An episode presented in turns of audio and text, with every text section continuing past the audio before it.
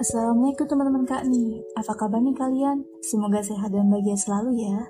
Nah di episode kali ini Kak nih pengen bahas mengenai muslimah itu harusnya gimana sih? Sebelumnya kalian tahu nggak seperti apa sih sosok muslimah itu? Pernah nggak kalian berpikir apa dunia-dunia ini tanpa wanita solehah? Mungkin yang ada hanyalah alam kehidupan yang gersang, seperti kemarau panjang tak berhujan, pun juga tak ada bunga yang meronakan pada ilalang. Wanita itu memang sosok menarik yang tak ada habisnya untuk diperbincangkan. Bahkan Al-Quran mengisahkan beberapa wanita di zaman yang berbeda dan kisahnya dijadikan peringatan dan kabar gembira. Ialah nama Allah yang paling unik, yang memiliki keistimewaan yang sangat luar biasa. Mun Al-Quran mengisyaratkan beberapa tipe kepribadian wanita yang sangat dianjurkan khususnya untuk para muslimat nih. Jangannya wanita dengan kepribadian kuat, ia teguh dalam keimanannya, seperti Asia binti Muzahin. Meski ia hidup dalam keadaan terjepit antara suami dan iman, namun ia bisa keluar dari lubang jarum lewat perjuangan mempertahankan iman.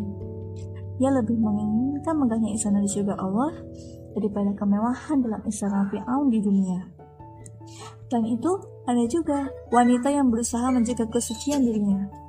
Sosok wanita ini ialah Maryam binti Imran, Wanita soleha yang tiada harinya ia lewatkan kecuali dalam ketaatan beribadah kepada Allah.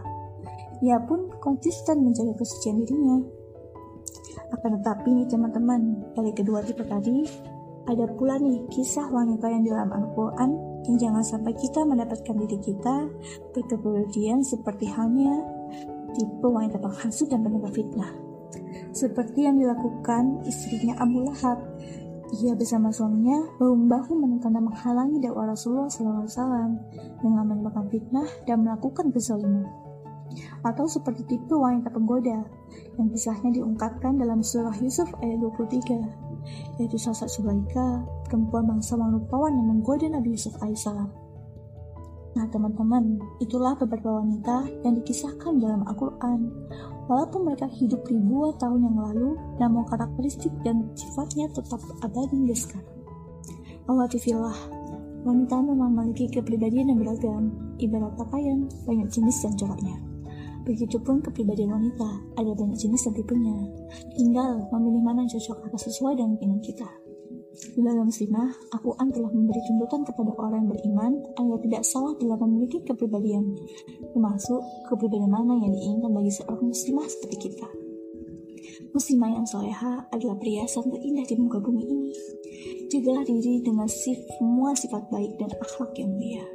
Jangan biarkan nafsu duniamu mencederai keindahanmu. Kalau Allah lana Semoga Allah memberikan kita di dalam kebaikan di mana pun berada. Cukup sekian, semoga bermanfaat. Salam simetris, arsitek kebaikan. Assalamualaikum warahmatullahi wabarakatuh.